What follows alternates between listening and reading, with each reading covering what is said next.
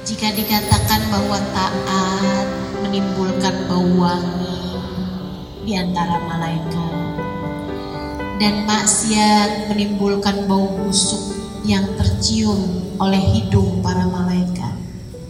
Pertanyaannya, dirimu sebagai seorang hamba selama ini kira-kira malaikat mencium darimu aroma yang seperti apa? Wangikah karena ibadahmu? Wangikah karena zikir-zikirmu? Wangikah karena tetesan air matamu ketika bertaubat atas dosa-dosamu?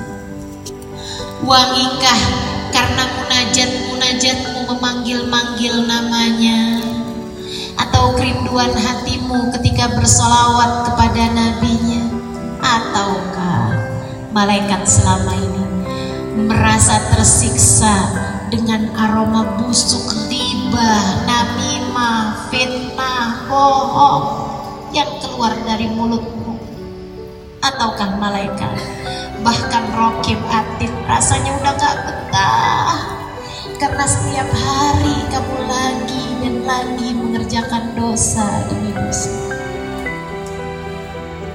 Cantikkah